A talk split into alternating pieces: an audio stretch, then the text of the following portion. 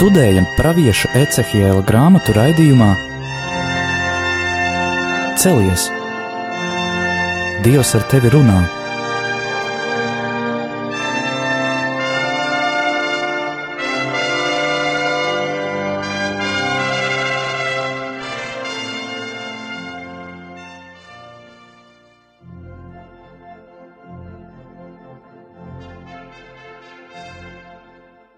Slavēts Jēzus Kristus. Mūžīgi mūžos slavēts. Studijā atkal ir Stela un Anģela.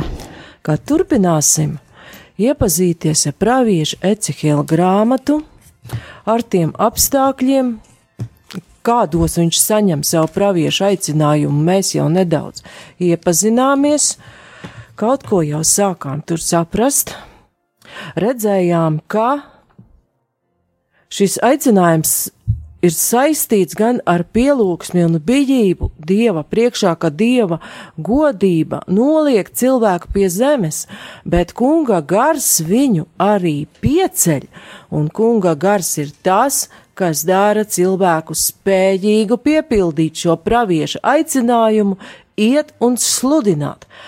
Šodien vairāk runāsim par to, kā tieši viņam tiek doti šie vārdi, šis spēks sludināt, un redzēsim, kā Dievs atšķirībā no cilvēkiem nenoslēpj tos, kā mūsdienās teiktu, zemūdens akmeņus, viņa kalpojumā visu šo bīstamību un draudus, kā Dievs atklāti pasaka, kāda būs situācija, kad pravietis Ecihēls sāks sludināt, kādi būs tie cilvēki, pie kuriem viņš tiek sūtīts, un ļauj saprast, ka no malas raugoties, tā situācija būs gaužām nērta, nepatīkama un varētu likties bezcerīga.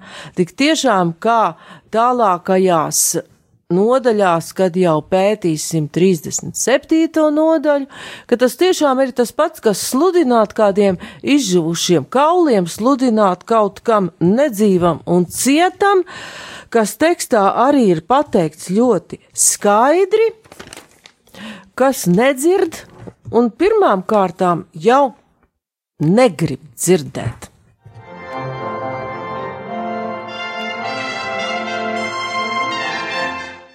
Tātad Dievs saka pravietim, kā jau mēs noskaidrojām, kad ir uzruna cilvēka dēls, tātad savā ziņā pat var teikt, tas aicinājums ir mesiānisks. Un kungs saka, es sūtu tevi pie Izraēla bērniem, pie tās nepakļāvīgās atkritēju tautas, kas ir sacēlusies pret mani. Viņi un viņu tēvi ar vienu ir atkāpušies no manis līdz pat šai dienai.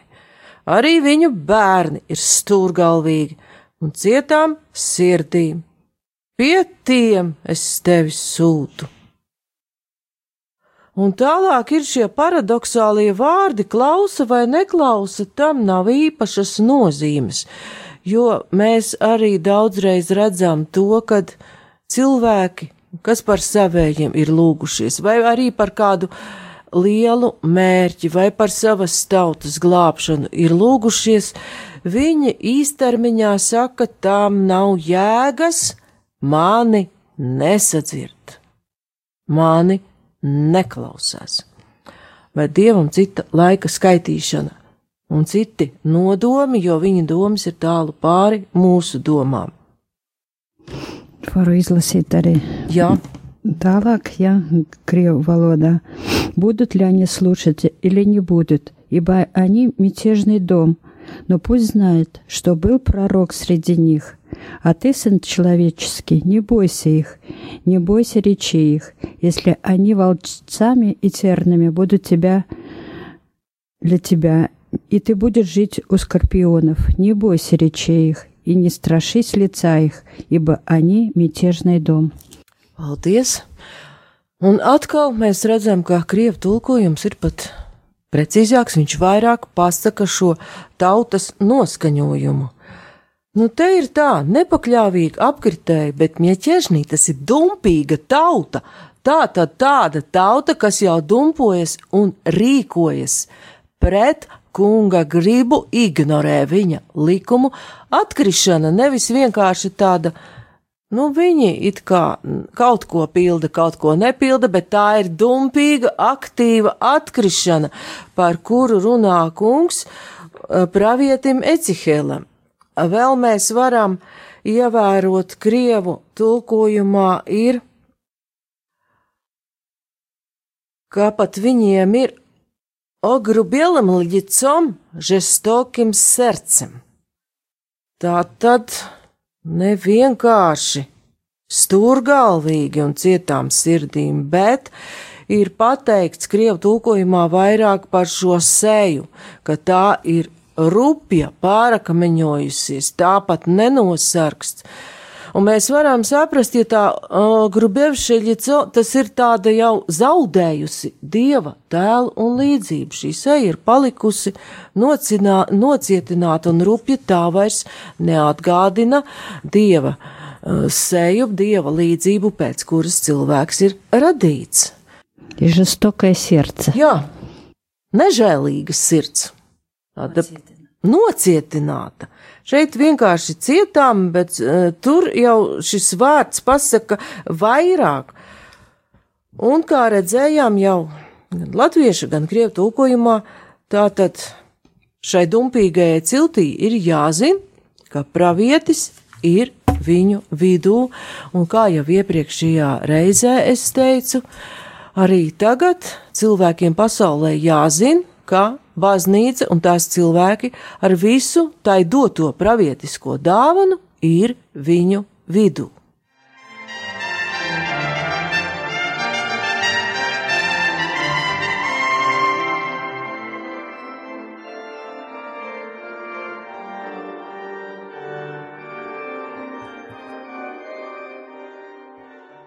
Un Anģeli jau nolasīja, kāds tad būs šis sludināšanas darbs.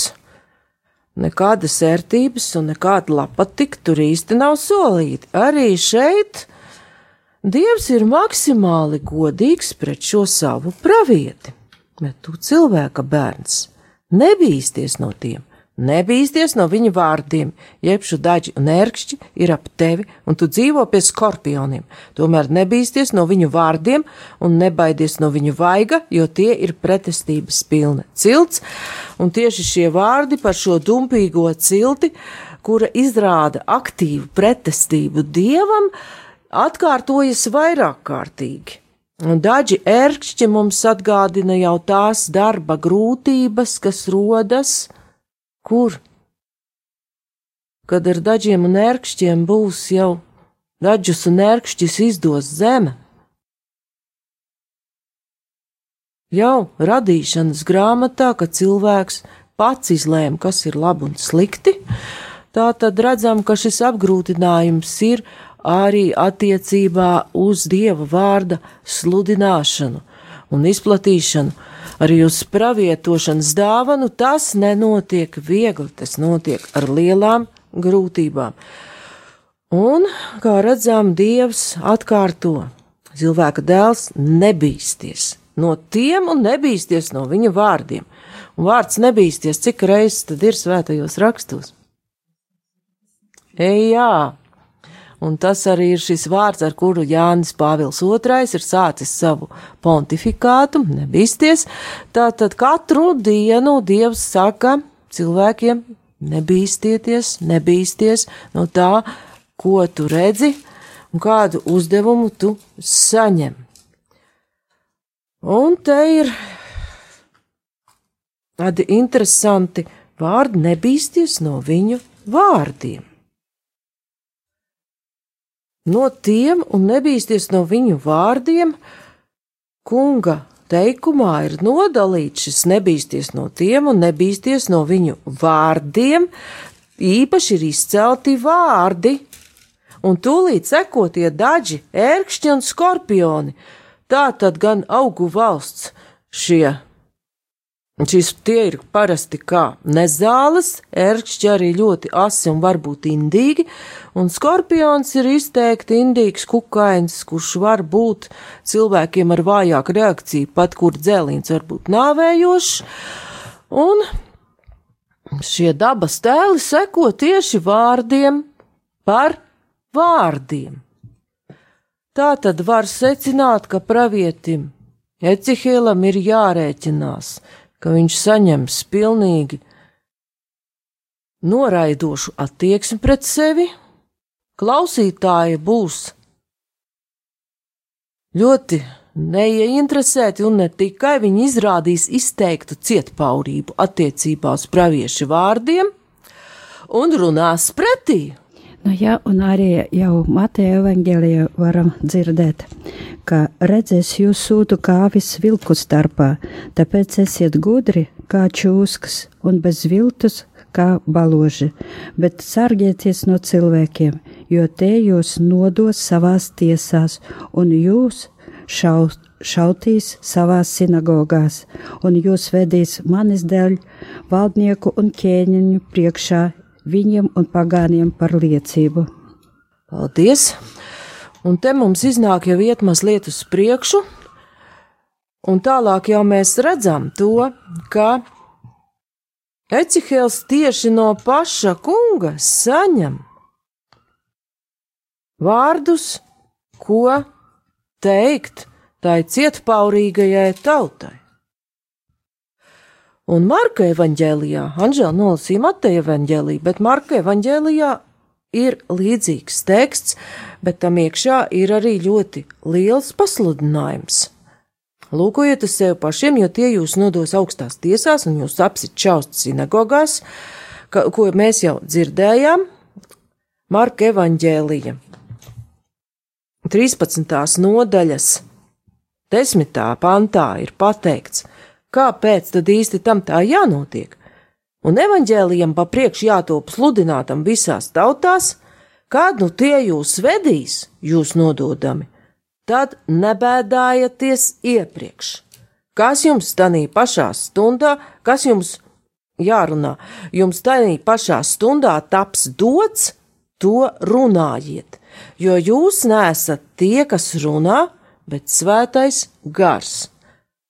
Tā tad Marka evanģēlijā ir pateikts līdzīgi kā arī pravieša Ecihila grāmatā, tikai tur tas ir pateikts citiem vārdiem, citiem tēliem, ka nav mums pašiem jādomā, jo baznīcā visi tās bērni saņēmuši praviešu dāvanu, nav jādomā, ko kādā situācijā runāt, jo gars ir tas, kas dod šo runāšanas dāvanu spēju apliecināt patiesību.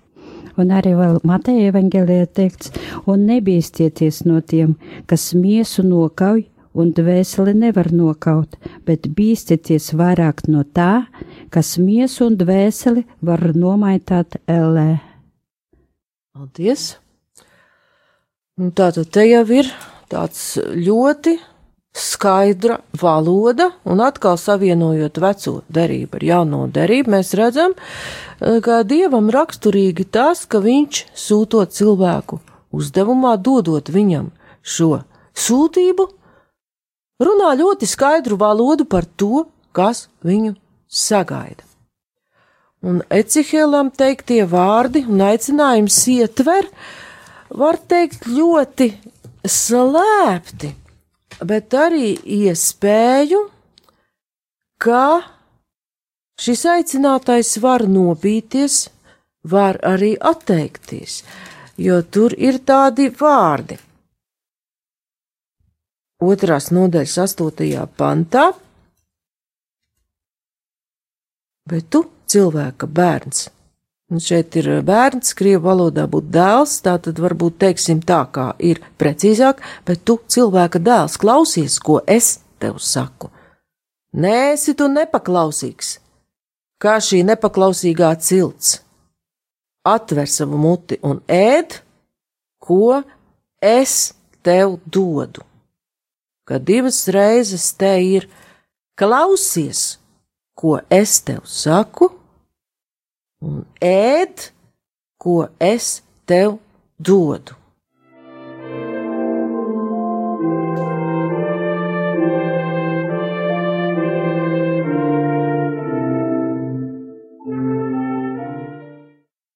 Nu, un arī, ja mēs izlasīsim Mateja evaņģēlijā, 28. nodaļā, un kad uh, pa apustuliem, bet viņa 11 mācekļi nogāja uz Galilēju, uz to kalnu, kur Jēzus tiem bija pavēlējis, un kad tie viņu redzēja, tie nokrita viņa priekšā ceļos, bet citi šaubījās, un Jēzus piegāja pie tiem un uzrunāja to sacīdams: Man ir dota visa vāra debesīs un virs zemes, tāpēc eita un dariet par mācekļiem visas tautas, tās kristīdami tēva, dēla un svētā gara vārdā, tās mācīdami turēt visu, ko es jums esmu pavēlējis, un redzi, es esmu pie jums ikdienas līdz pas pasaules galam. Paldies!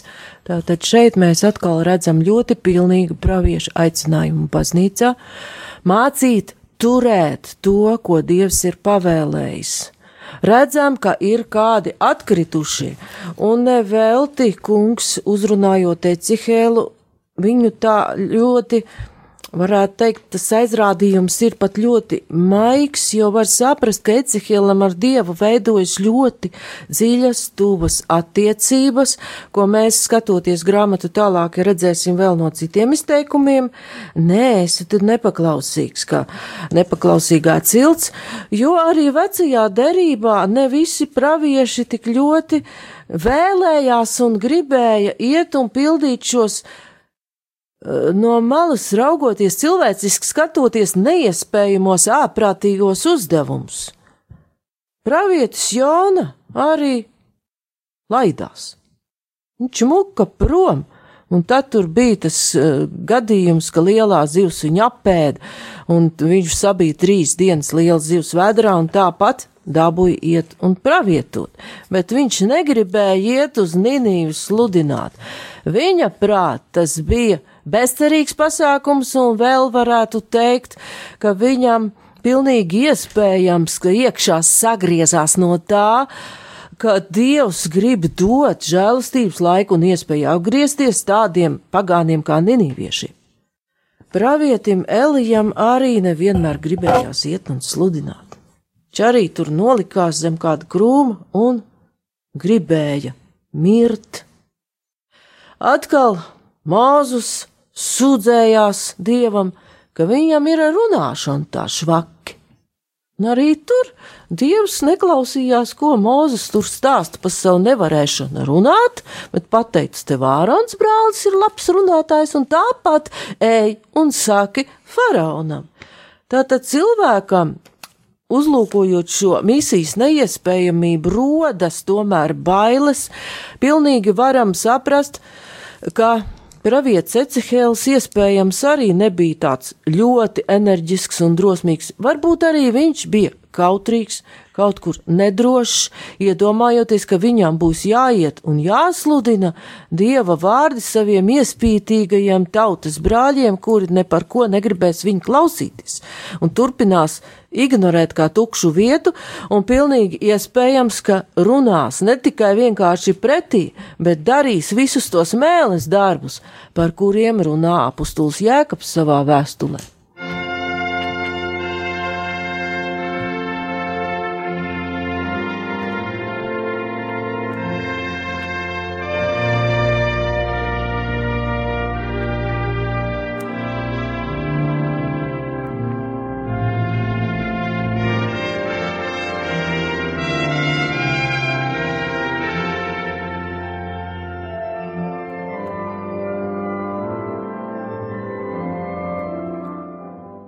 Lai pievērstos jau nākošajiem momentiem šajā rakstu fragmentā, varam atcerēties, ka pat Jēzus ģecemanē baiļojās. Viņam bija bail, viņš lūdza kungu, ja tas ir iespējams, tad lai šis biķers iet viņam garām.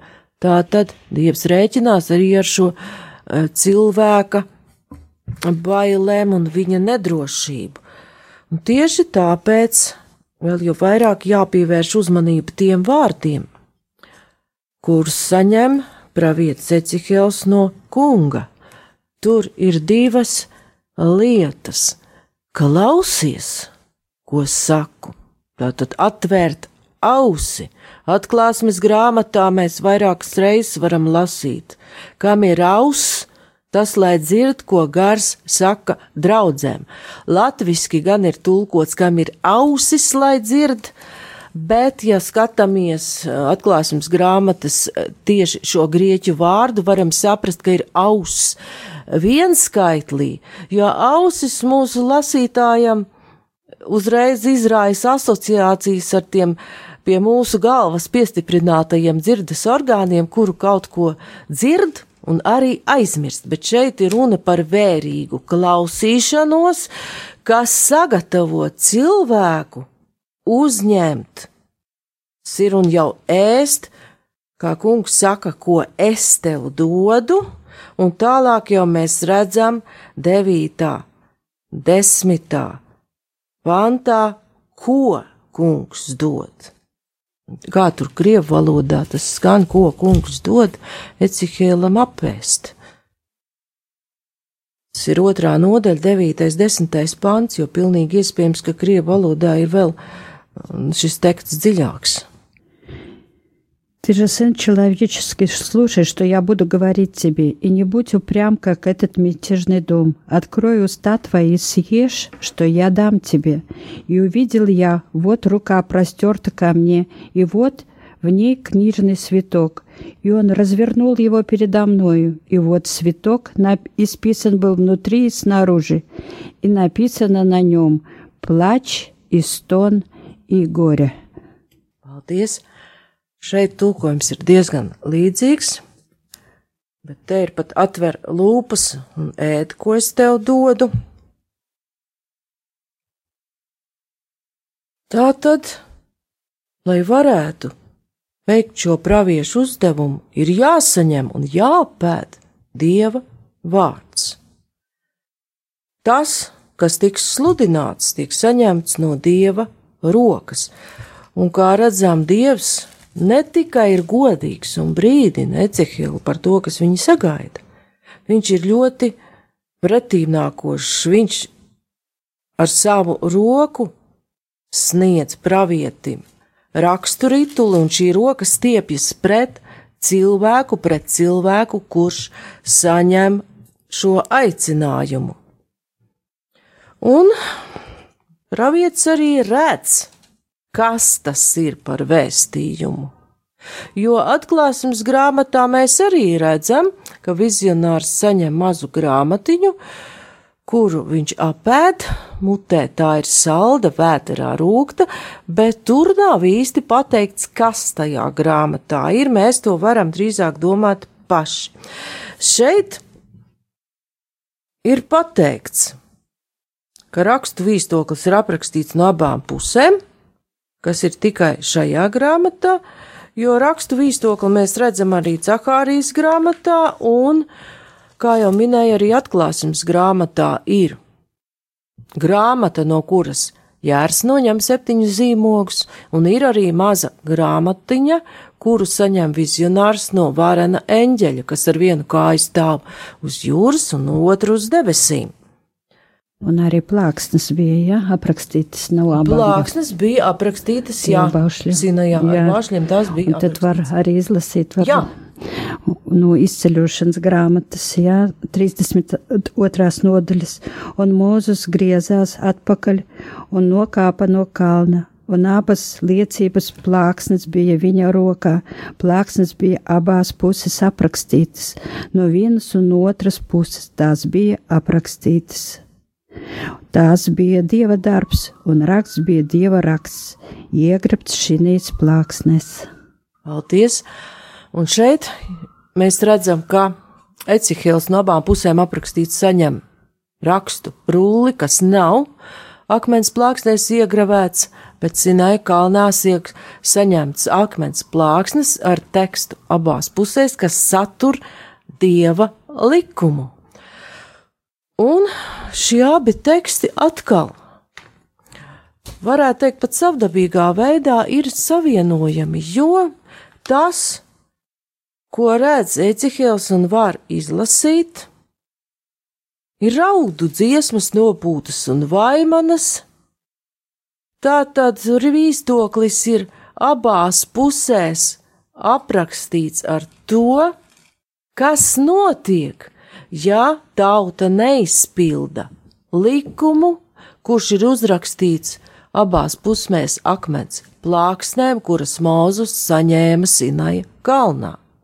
Tātad redzam, var teikt, cēloņu un seku likumu darbībā.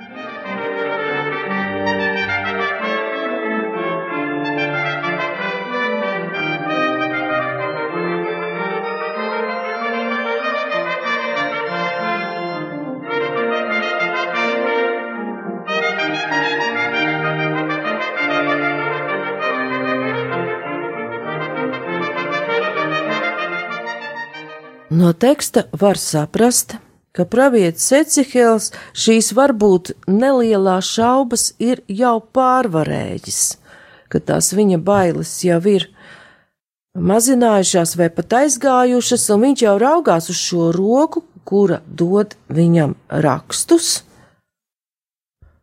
un ir gatavs uzņemt sevī šo vārdu.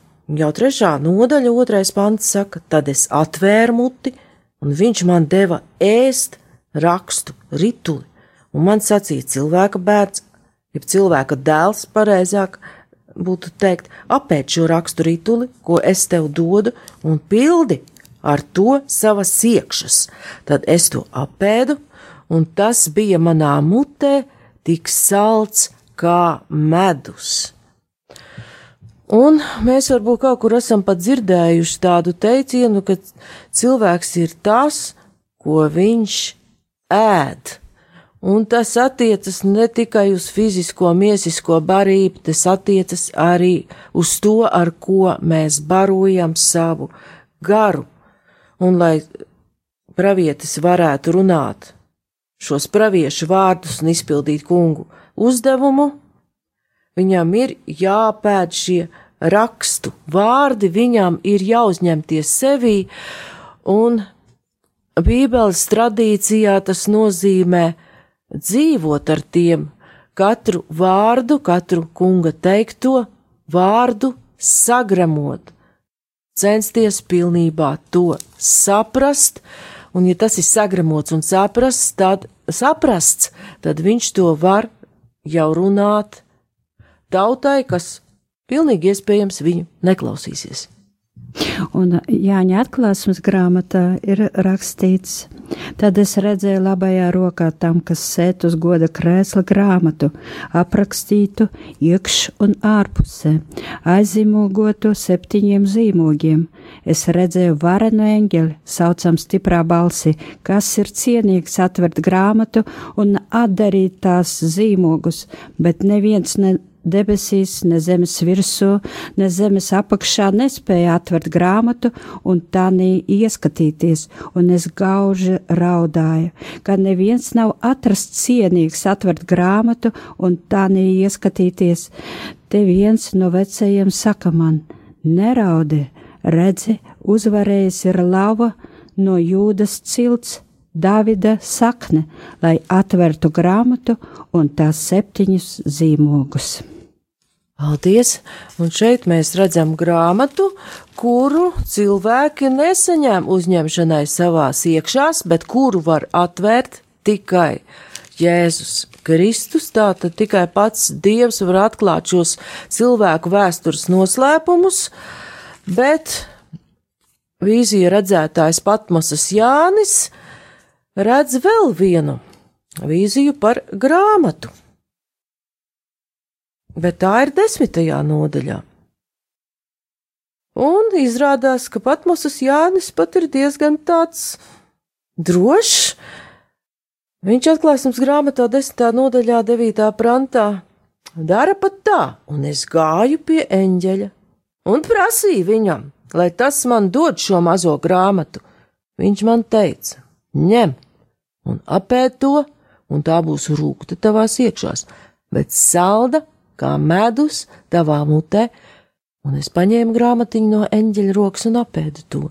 Un tā bija manā mutē salda kā medus, bet, kad to biju apēdis, tā manās iekšās bija rūkta. Un uz mani saka, tev būs atkal pravietot par tautām un ciltīm, par valodām un daudziem ķēniņiem. Tā tad arī atklāsmes grāmatā šai rakstu noēšanai un sagremošanai seko pravieša sūtība. Bet kāpēc raksti reizēm tā uzņemot viņus, ir saldi un vēlāk var tapt pat rūkti, par to jau mēs domāsim nākamajā raidījumā. Studijā bija Stela un Āģela. Paldies par uzmanību!